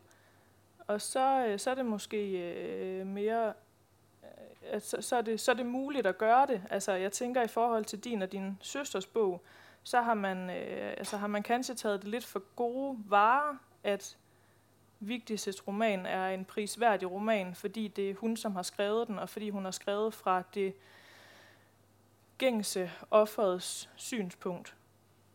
Øhm, altså, så bliver man vel nødt til at synes, at den er god, fordi hun skriver om det, hun skriver om. Ja, det, kan, det kan jeg nesten ikke Det syns jeg er litt vanskelig å, å si. Ja. Men, uh, uh, men det er klart at uh, det er jo grunn til å tro at forfattere som har et navn, blir utgitt på nytt. og at man har visse forventninger og sånn. Og, men jeg, jeg, har jo skjønt også altså Boka til Vigdis er jo selger, den selger i bøtter og spann i Sverige nå for tiden. og den er, Så jeg, det er sikkert en super roman. det tviler jeg ikke på. Så selv om det er gått med noen godt med litt mennesker i den boka. Ja. ja, fordi Nina hun, hun skriver jo også øh, i romanen, at hun har lest en kommentar, uh, som er kommet i forbindelse med, med søsterens udgivelse, hvor den her anmelder, han skriver, at høj litterær kvalitet undskyldte meget. Mm. Hvis Vera Lind skrev lige så godt om sin far, som det Knavsgaard gjorde om sin, så var det egentlig et kompliment til faren. Mente han virkelig, at litterære overgreb skulle undskyldes, fordi det indgik i en lang tradition, fordi det var noget, forfattere havde holdt på med bestandigt? Mm. Øhm, og der tænker jeg jo også øh, lidt det her med, at fordi andre har gjort det før en, ja. det er jo ikke en undskyldning for, at man skal fortsette med det. Nei, jeg synes, ikke, jeg synes det er en veldig svak uh, måte å argumentere på. Ja. Det er, det er, jo helt uh, fullstendig uten innhold. Og Ja. det er jo sånn som uh, vi gjorde når vi var barn. Og sa at jeg, de andre får være oppe til klokka ti. Det vil jeg òg. Men det er, det, altså, hva slags argument er det? Så jeg, jeg synes det er, Og har man holdt på med det altså Det er veldig mye menneskene har holdt på med lenge. Eh, kvinneundertrykking og plaging av svake grupper og sånt. Men vi, hold, vi slutter jo med det Ja. fordi at vi tenker at nå må vi komme videre. Ja. Etter hvert som ting avdekkes eh, av eh, overgrep og, og, og ting som ikke er som de skal i samfunnet, så slutter vi med ting. Ja. Og jeg syns godt at vi kan slutte med Hvis, hvis det er sånn forfattere holder på med bestandig, Mm. og vi, vi forstår at det er det de gjør, så syns jeg at da er det på tide å slutte med det. Ja. Det var det. Ja, for du kommer jo egentlig også med et rett godt eksempel på det øh, i, din, øh, i din bog, hvor det her barn kommer grædende hjem efter å ha Mm. utsatt øh, blevet udsat for mobning. Mm. Øh, og jeg tenkte om du kanskje vil slutte av innen pausen med å lese det avsnitt høyt. Ja, mm? Det kan jeg godt. Nå kan vi se. Et par uker etter utgivelsen fikk Aftenposten fatt på programmet fra pappas begravelse med bilde av pappa på forsiden og mammas dikt på baksiden. Ikke visste jeg hvordan de hadde fått tak i det, om de hadde tatt kontakt med begravelsesbyrået, eller om de hadde fått det fra noen av dem som var til stede i begravelsen. Det lurte jeg på. Men da skjedde det noe. Da var det ikke mulig for, for forlagssjefen å si 'ingen kommentar' lenger. Han måtte mene noe, uttale seg i avisen. Det virket som han mente at forlaget hadde visst hva de holdt på med. Det virket som de syntes at det var greit. Men det var et dilemma. Det innrømmet han. Det var det alltid, sa han. Men vurderingen deres var at Veras roman som helhet holdt seg innenfor de etiske retningslinjene som forlaget forholdt seg til. Han sa også at boka var utformet slik at den ba om å bli lest som fiksjon. Jeg syntes det var underlig. Som om boka hadde skapt seg selv og lå i hendene på leserne og ba 'Les meg som fiksjon, vær så snill'. De hadde intervjuet en professor også. Vera Lien gikk ikke for langt, for det var mange forfattere som holdt på sånn, forklarte han. Forfattere har gjort det til alle tider. Høy litterær kvalitet unnskyldte mye, hevdet han. Hvis Vera Lind skrev like godt om sin far som det Knausgård gjorde om sin, så var det egentlig et kompliment til faren. Et kompliment til faren. Men det var bare hvis det holdt høy kvalitet. Falt det igjennom kvalitetsmessig, så var forfatteren ute å kjøre. Forfatteren. Jeg husker jeg måtte lese gjennom det flere ganger. Jeg kunne ikke riktig forstå det. At en professor argumenterte på den måten. Mente han virkelig at litterære overgrep skulle unnskyldes fordi det inngikk i en lang tradisjon? Fordi det var noe forfattere hadde holdt på med bestandig? Og så han for seg at pappa som lå i graven, kom til å ta Veras injurier som et kompliment. Mamma også, fordi hun fremførte det med bravur og vant priser. Mamma og pappa var vel like mye ute å kjøre, uavhengig av om Veras bok holdt, høyt, holdt mål kvalitetsmessig. Hvilken rolle spilte det for dem hvor mye Vera kom ut å kjøre? Ville professoren sagt det samme til barnet sitt, tenkte jeg. Hvis det kom gråtende hjem og var blitt utsatt for skolens verste mobber? Når den mest intelligente, kreative og utspekulerte av dem alle hadde latterliggjort den han var glad i, hånet, pekt og plaget? Ja, men jenta mi, dette har skoleunger holdt på med gjennom alle tider. Tenk så gøy de andre i skolegården hadde det. Richard er jo så dyktig på det han gjør, så morsom når han mobber. Du får heve, over, heve deg over det. La det stå sin prøve. Du burde egentlig ta det som et kompliment. mm. Ja, så tror jeg det er et fint sted å ta en pause her. Ja. ja. Mm. Øh, nå har vi snakket sånn øh, Eller vi er jo kommet omkring mange ting øh, fra din roman. Og jeg hadde tenkt vi skulle ta det ut på et litt, øh, litt større plan nå. Der har jo vært en, øh, en stor debatt her i høst igen mm. øh, om hvilket ansvar forlaget har i forhold til det, som bliver udgivet, i forhold til forfatteren. Og øh, i, et, øh, i et afsnit i din roman, der øh, bliver der skrevet om en samtale mellem øh, Nina og redaktøren til Vira. Og det bringer jo netop spørgsmål frem omkring, hvilket ansvar forlaget har for forfatteren og for personerne, som skrives om, og for de historier, som leserne får. Mm. Øh, har du noen, øh, noen kommentarer til det? Mm. Uh, det som jeg fortsatt liksom ikke um, eller altså når jeg ringte til forlaget den gangen, da, det gjorde jo jeg også, det var ikke bare hun Nina som gjorde det, mm. Uh, så tenkte jo jeg at det var de som hadde et ansvar. Uh, men, men sånn som debatten har gått, så, så, sier jo forlagene når de og så, Forlagene tjener jo masse penger på dette. her, De, har, de er jo profesjonelle. Og så sier de at uh, nei, det er forfatterens ansvar. Det er de som må gjøre, ta det etiske vurderingen. Så jeg, jeg, vet liksom ikke helt egentlig hvordan dette ansvaret egentlig er fordelt. Om det kanskje er forlaget som har det juridiske ansvaret. eller fordi de, Da kommer de jo plutselig med advokater og sånn. forlaget. Mens forfatteren kan jo uh, uh, si at uh, nei, det var uh, Jeg hadde grunn til det, eller ikke sant? De, hvordan tar man et etisk ansvar? Mm.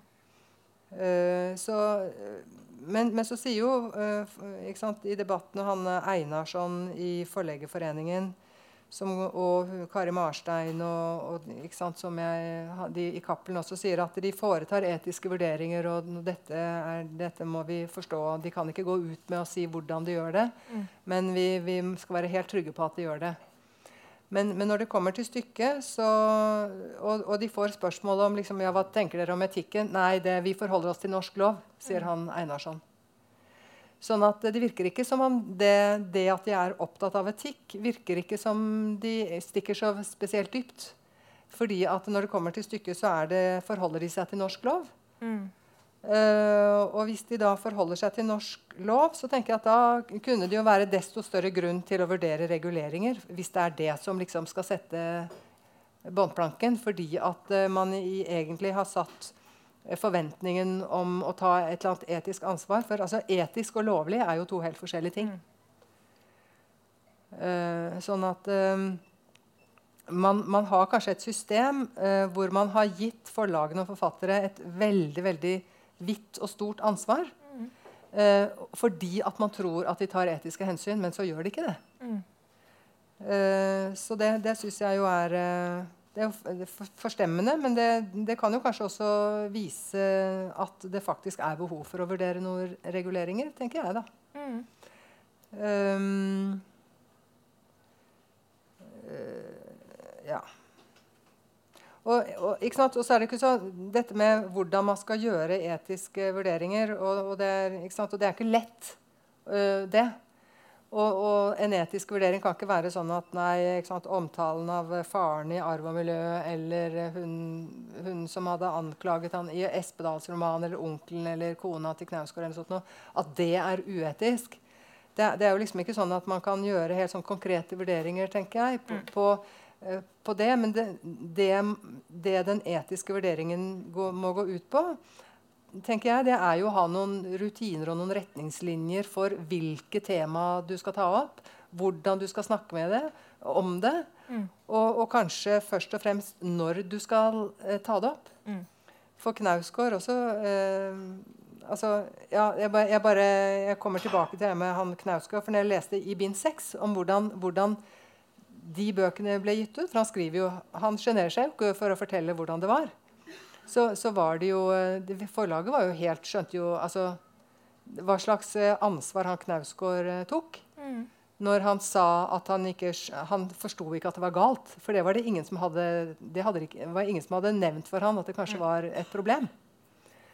Uh, sånn at, uh, uh, og at når han da har skrevet masse masse vakker litteratur med skildringer av åker og eng og barn og bleier og alt mulig sånn, og så, og så, skal han ikke gi det ut fordi at onkelen blir forbanna. Liksom. Mm. Og skal en revisor nede i Kristiansand sitte og bestemme hva slags litteratur det gis ut her i landet, det kan ikke du la, det kan ikke du gå med på. Nei, det er jo igjen det der med at så blir det ja. at høy litterær kvalitet blir en unnskyldning for å si hva det passer ja. inn. Ja, jo, men jeg tenker også at De etiske vurderingene de bør man gjerne ta før, før det ligger et fullendt fantastisk ja. verk der. Ja.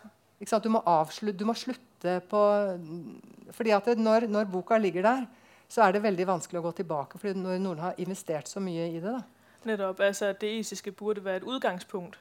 Ja, øh. eller at ikke sant? Så jeg tenker at eh, de, de, fleste forfattere, tror jeg, ut fra sånn, hvert fall sånn min egen erfaring, mm. er at man blir jo veldig kjent med redaktøren sin. Mm. Uh, og, og, og, man snakker jo om masse ting. Og derfor er det jo en veldig personlig ting å skrive en, så mye tekst mm. om masse mennesketing. Uh, sånn at uh, det burde være mulig å, å, gjøre noen etiske vurderinger sånn i utgangspunktet. Ut ifra liksom, hvilke menneskelige hensyn tar du, og, og, hvilke menneskelige hensyn tar du ikke. Mm. Og av hvilke grunner, osv. Ja. Mm. Um jeg har registreret, at uh, veldig ofte i denne debatt så er der blitt spurgt, om der kommer noe godt ut av å gå denne form for litteratur efter i sømne, at faktatjek romanerne, og at de litterære modeller, de står frem. Øh, og der er mange øh, fagpersoner, litterære fagpersoner, som affejer spørgsmålet med, at det er jo kunst, mm. og den må være fri. Igen det her med, at det skal være et frit rum for anerkendelse eller er, øh, erkendelse af, at der er flere øh, sider af, af verden. Øhm, men så tænker jeg også lidt, at hvis forfatteren skal være fri, så må man også være lidt mere kritisk i forhold til, hvem de her frie forfattere er, hvad mm. deres formål er. Mm. Øh, så det netop ikke bare bliver et spørgsmål om underholdningsværdi, eller hvad som er salgbart, fordi det jo har med mm. rigtige mennesker å gjøre. Altså. Mm. Mm.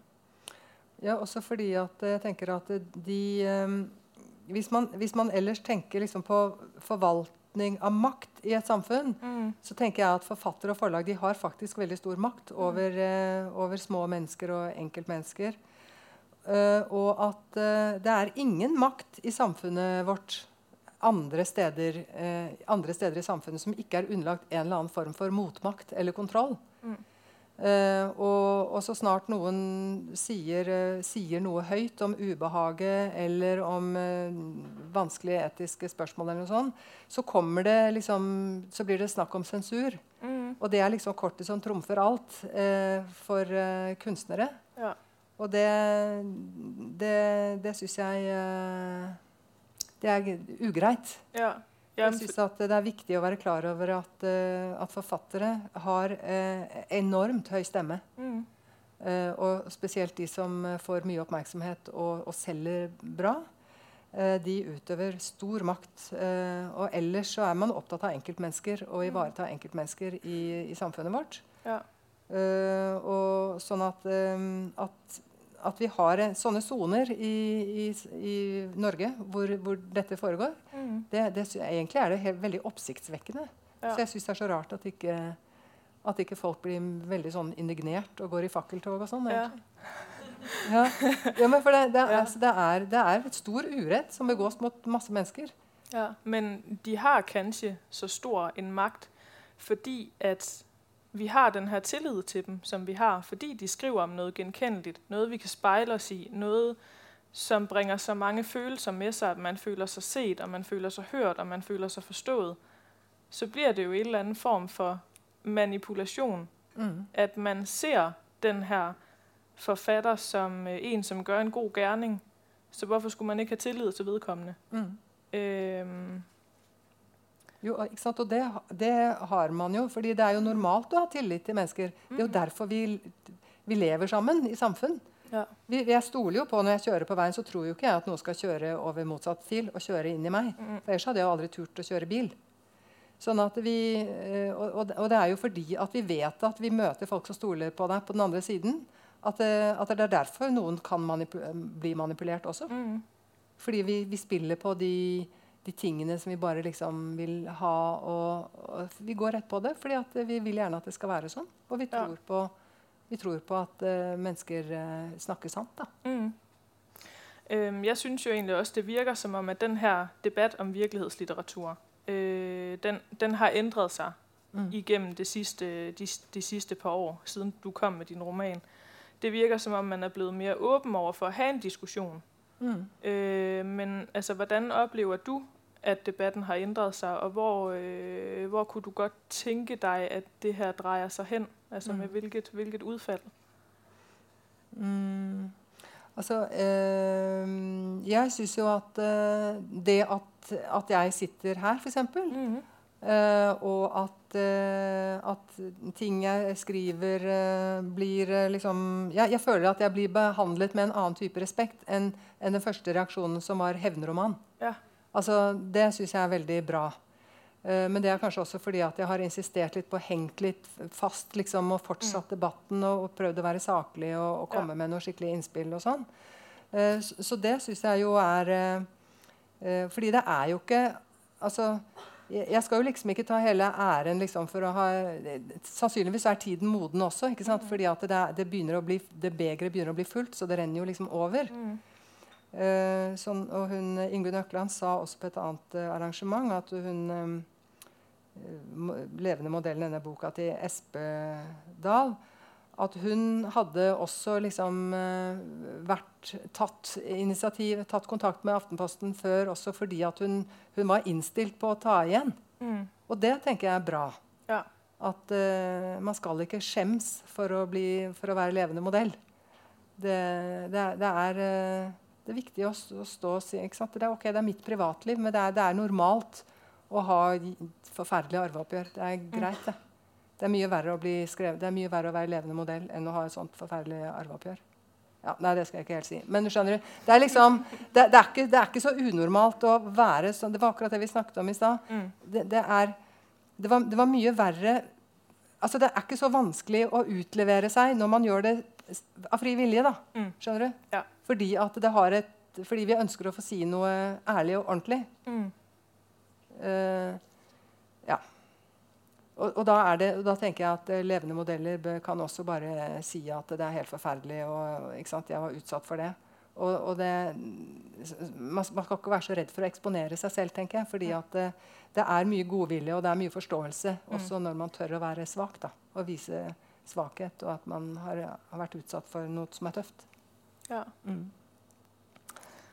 Ja, og det så, så, og det er ikke så mange som har gjort det, men i det, hvis det liksom kan ha banet litt vei for å ha gitt litt uh, mot til andre, så er det jo veldig bra.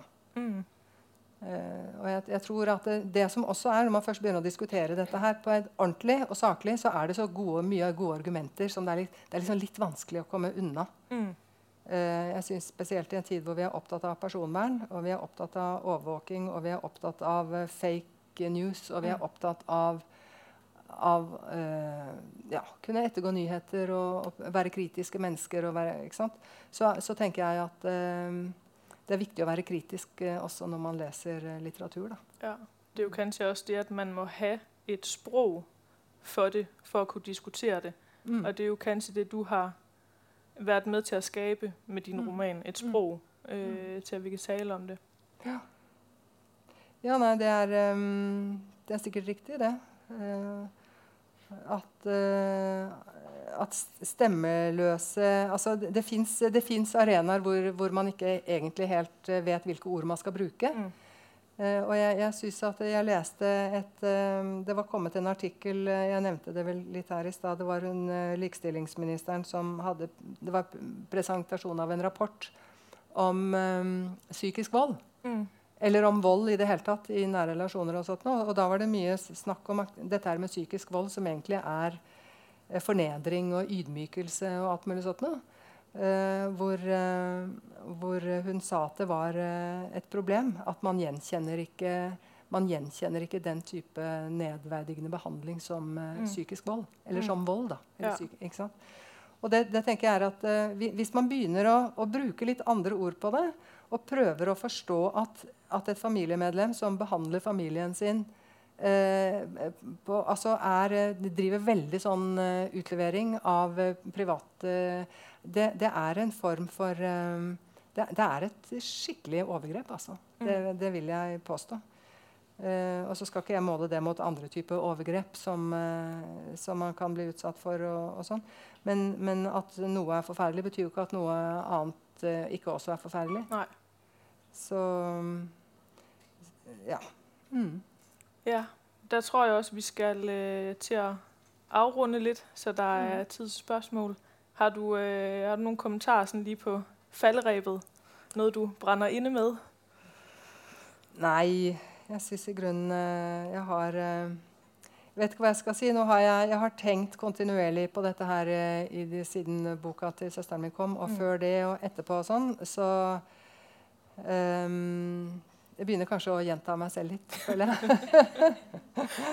ja, ja, men da skal vi uh, åpne opp for spørsmål. Uh, ja, blir jeg blir å sende rundt denne mikrofonen. Vi tar lydopptak i kveld, så det er veldig viktig at dere stiller spørsmålene inn i mikrofonen. Da Så da er du ordstyrer, Pernille. Mm.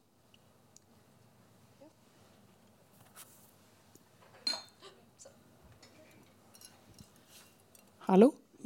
Hei, ja, jeg må si jeg har lest begge bøkene. da, Både 'Arv og miljø' og din bok. Og jeg syns det var Du har skrevet en veldig fin bok som jeg likte så godt å lese. Og jeg syns det har vært veldig sånn opprørende diskusjoner om virkelighetslitteratur lenge.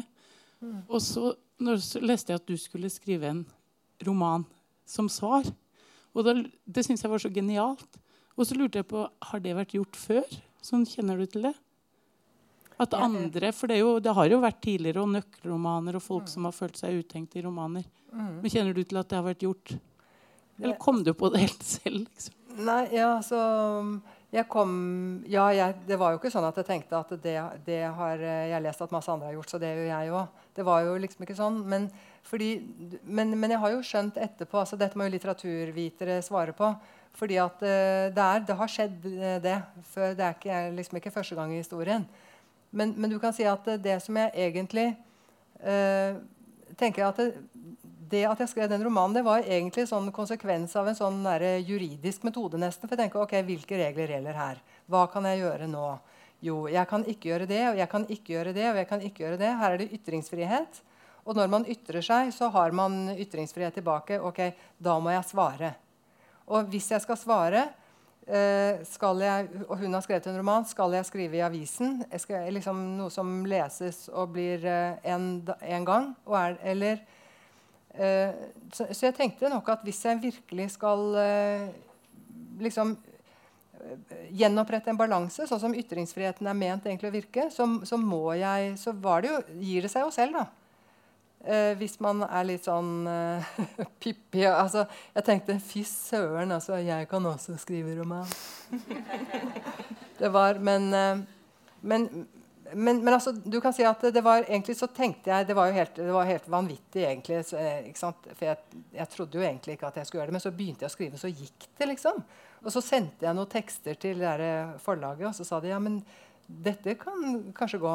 Og så jeg, Tror dere det, eller? Og så, og, så, begynte jeg å skrive. Så jeg har jo hatt eh, jeg har jo hatt tett kontakt med forlaget hele tiden, men det er jo, det er jo jeg som har skrevet. Og det viste seg at det, og det som, det som, jeg også skjønte underveis, det er at det, hvis du har en ålreit penn og er vant med å skrive, og det er jeg for jeg har jobbet som byråkrat i 18 år og, og hvis du da har en ganske sånn saftig historie, så er det ikke så vanskelig. Og det, og det er det jeg tenker at det, det er, og, det, og det er det liksom Jeg har ikke så mye respekt for forfattere som skriver virkelighetslitteratur. fordi at det, det er bare å Det som er vanskelig, er å finne på. Å finne på gode plott som illustrerer på gode måter, og, og dikte de personene som kan Fordi, Jeg syns det er litt sånn juks. Og det er det som provoserer meg også. fordi at når jeg først begynte med dette, så tenkte jeg dette her er jo ikke så vanskelig. Og så er det liksom også å finne måter å flette det sammen på. ja. Så, så det var nok liksom en, en, prosess hvor det viste, plutselig så viste at det, at det kanskje hadde noe for seg, fordi at det viste seg at jeg fikk det til. liksom. Mm.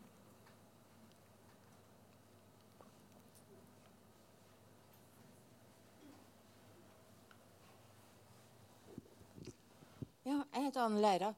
Jeg har ikke lest verken søsteren sin bok eller din bok, og mm. med vilje. Fordi mm. jeg visste at jeg ville bli provosert, eller syntes det var veldig vanskelig, dette her.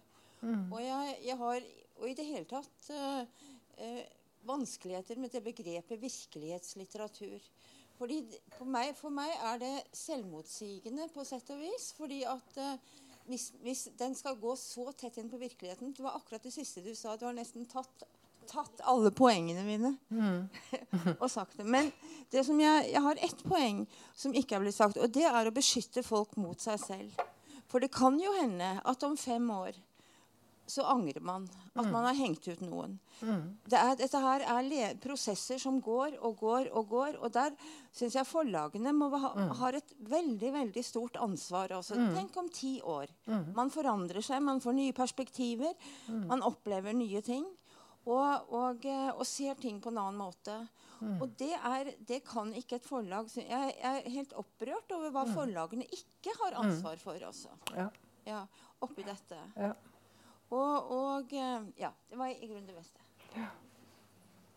Men bare en kommentar til det. Fordi at um, det tenker jeg også Etter det jeg har sett, da, og egentlig det jeg vet også, eh, så tenker jeg at um, det å, å, la forfattere i veldig sårbare situasjoner uh, og i kanskje, ja, altså, å, å, bruke det momentet, som sikkert skaper veldig god litteratur, det, det, er veldig sånn Det er egentlig veldig røff behandling av mennesker. Fordi at man, man, setter, man låser folk fast i noen, i noen løp. Fordi at når du, gang, når du først har skrevet den romanen, så er familien forandret for alltid.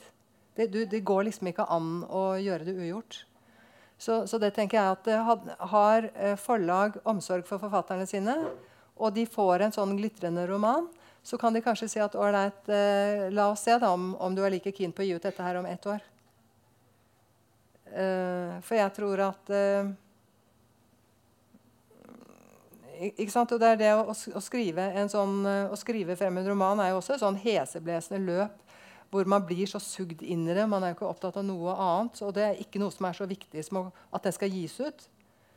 Uh, og da at, at det fins en sånn stopp-knapp og si mm. liksom, altså, det er fint, du har skrevet en fantastisk roman. Nå lar vi, liksom, nå lar vi den kulevinden litt her. Liksom. Ja. Det tror jeg ville vært lurt. Og, og det ville være å ta ansvar uh, fra forlagene. Mm. Det, er jo også, det er jo en rett tydelig tendens uh, i vårt samfunn generelt, det her med, med det selvutleverende.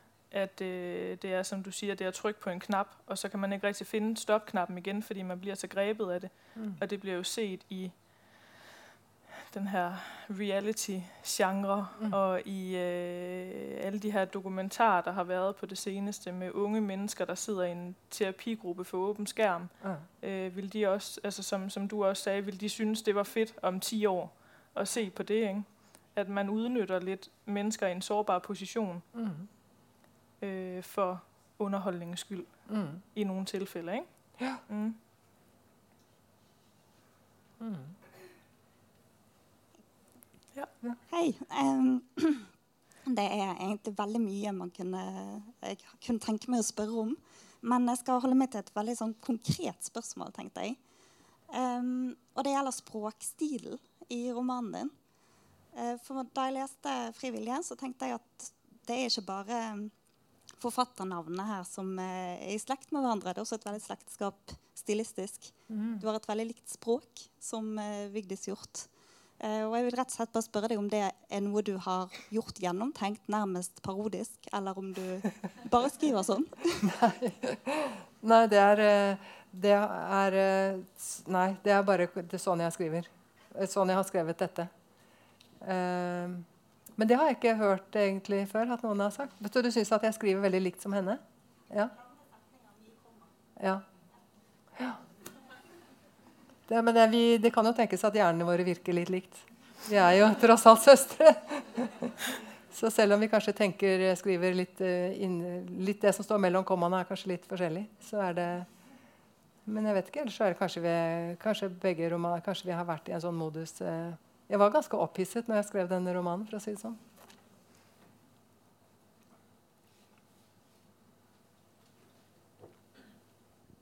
Hei, det er et litt sånn oppfølgerspørsmål, egentlig. Mhm. Nina går jo på forfatterkurs. Mm. Eller å, lage, å lære seg å lage litterære mønstre, eller å gjennomskue litterære mønstre. Mm. Har du gjort det også? Ja. det har jeg. Jeg var på jeg var på kurset til han Henrik Langeland. Han holdt et uh, sånt helgekurs. Så det var eh, Det var ikke noe sånn skrivekurs, egentlig, men det var uh, med sånn teoretisk kurs om Og han har skrevet en veldig fin liten bok som heter 'Fortellerteknikk'. Eh, og så kjøpte jeg den, og så leste jeg den der 'Ut og stjele hester'. Så det var akkurat det. Der er virkelig, skikkelig virkelighetslitteratur. da. Det der, så, men, um, så det var uh, Det var utrolig oppklarende. Veldig interessant, altså. Så eh, det kan anbefales. Ja. Der var et spørgsmål dernede, tror jeg.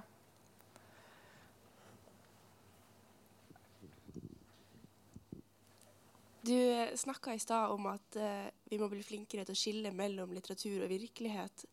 Men eh, hvor ville du da satt skillet sjøl? For det syns jeg er veldig vanskelig. Fordi man tar jo utgangspunkt i ting man sjøl har opplevd. Men er det greit å skrive om det hvis man bare skjuler det litt mer? Ehm, ja, jeg skriver du, liksom? For jeg tenker at det, som du sier, at det, man tar utgangspunkt i ting man har opplevd. Og det, det kan man jo, men man kan jo også ta og finne på noe helt annet og så bare skrive om opplevelser man, altså følelser man har hatt, da, eller hva man skal si. Fordi at eh, jeg har um, jeg har jo da, eh, ikke sant, når jeg skrev dette her, så var det jo liksom en, lå det egentlig en historie ganske klar, hvor jeg har drevet og så mm, lagt til litt og trukket fra og sånt. Eh, men så har jeg prøvd liksom Nå har jeg holdt på å prøve å skrive litt andre ting, da.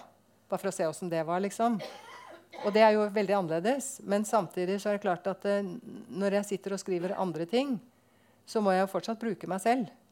Men, men det er ikke sånn at jeg går ut og tenker på hva jeg har opplevd i det siste, og så skriver jeg det, og så prøver jeg å mekke litt på det for at ikke noen skal kjenne seg igjen. Så, så det, det tenker jeg det er to veldig forskjellige innganger til, uh, til det å skrive, da. Uh, og, og hvor jeg tenker at det kanskje fordi at det, det var et annet seminar jeg var på, hvor hun eh, Anne Oterholm, som driver skriveskole oppe i Tromsø, hun sa at eh, de unge forfatterne de var så redde for å gjøre noe gærent, og at folk skulle bli lei seg. Og så tenker jeg at det, det kan jo være hvis man liksom begynner med å si at bare skriv det du føler, bare skriv hva du har opplevd. Liksom, bruk det for å øve deg. da. For det, det, ville kanskje vært bedre å begynt med å si at finn på et eller annet og skriv om det. Ikke, ikke, altså hvis man tar utgangspunkt i egne erfaringer og skal fiksjonalisere det, så tenker jeg at det er, det er liksom, eh, Da går det fort galt, da. For det er ikke så lett. Uh, og, og, og, så er det kanskje også sånn at når du har skrevet det for tiende gang, så tenker du at nei, nå har jeg, i hvert fall skrevet meg helt bort. Men så er det egentlig bare én variasjon. Bare fordi du har skrevet om det ti ganger, så blir det ikke ti ganger så annerledes fra virkeligheten. da, hvis du skjønner hva jeg mener. Så, så jeg tror det er lett å gå og lure seg selv, liksom. Mm. Når man egentlig eh, fiksjonaliserer eh, virkelighet. At det, det, er ikke så Det er mye lettere tenker jeg da, å begynne med noe annet først, og så heller bruke egne erfaringer eh, til å å forklare en fiksjon, da. Men altså, jeg, er, jeg er jo helt uh, fersk på det. Jeg ikke, vet jo ikke hva jeg snakker om. Bare. Sånn har jeg tenkt, da. Mm.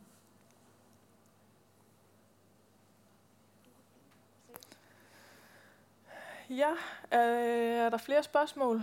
Ellers så, øh, så tenker jeg vi øh Hei. Um, jeg har lest begge bøkene uh, av søstre di, 'Arv og miljø', og de bok. Mm. Og jeg lurte litt på um, Fordi uh, gjennom 'Arv og miljø' så sa jo Vigdis Hjort at dette her er ikke, det er ikke virkelighet. Man kan ikke koble dette her til mitt eget liv. Men Ingunn Økland skriver jo i sin anmeldelse at man kan koble det til hennes virkelige liv. Eller virkelige hendelser. Eh, men tenker du da gjennom at du har gitt ut de bok at du har bare kasta bens eh, bensin på bålet? uh, nei. For, for, du kan si at um, og, og, det er det jo mange som er litt opptatt av. Liksom, fordi det er jo mange, er jo mange liksom, lag i, i, det sosiale livet da, og i et menneskes liv. fordi at det, du har liksom familien, og så har du en ganske sånn stor krets rundt familien. Og så har du alle andre mennesker, og så har du kolleger, og så har du bekjentskaper, og så har du tidligere kolleger, og så er det foreldrene til uh, ungene dine. Og, så det er um, uh, Denne boka her er jo skrevet for de som skjønte at Vigdis hadde skrevet eh, om oss. Og, og, og, virkelig hvis Sånn at det er, det er for Og for dem så spiller det ikke noen rolle om de får vite noe som er korrigert, da, sånn som jeg ser det. Uh, så om, om, dere som sitter her og ikke kjenner oss, får vite et eller annet om familien min, det er altså greit. Det er ikke så farlig. Det, er, det, blir, det, kommer med på kjøpet. Det er liksom en bieffekt. Men, men, for oss så hadde det vært helt umulig å gå videre i våre liv, og at alle våre omgivelser skulle på en måte ha ha, at vi skulle ha latt en arv og miljø blitt stående uimotsagt. Det hadde vært liksom veldig veldig vanskelig for oss å gå videre i våre liv. I våre, fordi at den virket ekstremt sterkt, eh, den uh, boka som hun skrev. Og det skjønte vi jo egentlig ikke ordentlig før etter at jeg hadde gitt ut denne boka. fordi det var da alle kom og turte å snakke om det. Og, og de åpnet opp og sa at uh, at de hadde lest, og de ville ikke lese. og De, de hadde masse spørsmål og, og, sånn.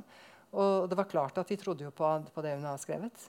Det var jo, og, det, du kan si at um, det, det, er både det og at alt det kommer ut, men også det der behovet for å si ifra at dette finner vi oss faen ikke i. Altså, det er noe med å liksom, jeg, Han der Per Petterson, som jeg hørte var her om dagen jeg så Han, han skrev uh, eller han var intervjuet, og så, så var man hadde noe sånt slagord som man hadde et eller annet sånt, noen smart noen hadde sagt. Og så sa han at eh, faren hans hadde sagt til han at du skal slå tilbake, eller så mister de respekten for deg. Og det var det at altså, her, dette, Det gikk ikke an. Vi hadde mistet selvrespekten hvis ikke, hvis ikke vi hadde gjort noe, liksom. Så det er sorry. Altså, det er, nå vet alle alt om familien Hjort, men det får heller være. Altså. Ja. Sånn er det. det er ikke, vi er bare mennesker. Det er ikke så gærent. Det er ikke, det er ikke så gærent som i arvemiljøet, for å si det sånn. Ja, spør du meg, da. Mm. Ja. Og det var et spørsmål her ja. Hei. Um, kjempespennende debatt. Mm. Og så lurte jeg på um, Jeg har ofte hørt det at den som forteller en historie først, eier den. Tenkte du mye på det når du skulle skrive boka, at nå har hun allerede fortalt den historien, og nå eier hun den? Uh, ja, det, altså Du tenker på sånn eier i, i, hos andre, på en måte? At hun har tatt eierskap til en type sannhet? da? Ja, at, ja. sånn at f.eks. dem som har lest den boka først, vil tenke at det, det er den som er sann? Ja, um, ja, det er jo naturlig, på en måte, det. Ut ifra sånn som vi snakket om før, så tenker jeg at uh, uh, du er jo veldig heldig. altså Hvis du får ordet først, så er det jo deg vi tror på. Fordi at uh, den som kommer etterpå og forteller noe annet, sier jo ikke bare noe annet, men påstår også at du lyver. Og det er jo skikkelig forferdelig. Men hvis den andre historien var kommet først, så var det du som hadde løyet. Så det, sånn at det er en veldig sånn vanskelig, vanskelig sits da. Eh, å skulle tilbakevise noe sånt, egentlig. Så det er litt rått parti, egentlig. Altså. Og det, og det, så, så, det å, å bestemme uh, seg for og, og liksom, Nå skal jeg skrive om familien Hjort, uh, og, og, den er sånn. Og, og, de som er uenige, kan skrive sine egne romaner. Liksom. Inntil, inntil noe, det kommer flere romaner, så er det sånn det er. Det er jo litt forferdelig. Ja.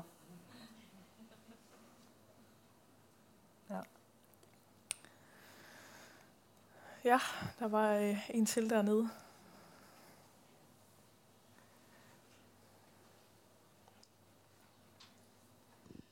Jeg har litt problemer med dette med virkelighetslitteratur. For meg er det to motstridende, motstridende begrep, begreper som står i, i motstrid til hverandre. Eh, jeg tenker meg at Din søster hun kunne jo lagt denne historien ut i tid og rom og sted. Mm. Og på en måte, Jeg skal ikke si at det er billig å gjøre det på den måten, for det er jo og, Men hvorfor ikke gjøre det sånn? De fleste mm. historier er jo ikke lagt til er jo ikke en beskrivelse av de nære eh, Hvis du er en stor forfatter, så har du vel den fantasien at du kan legge det ut i tid og rom og sted.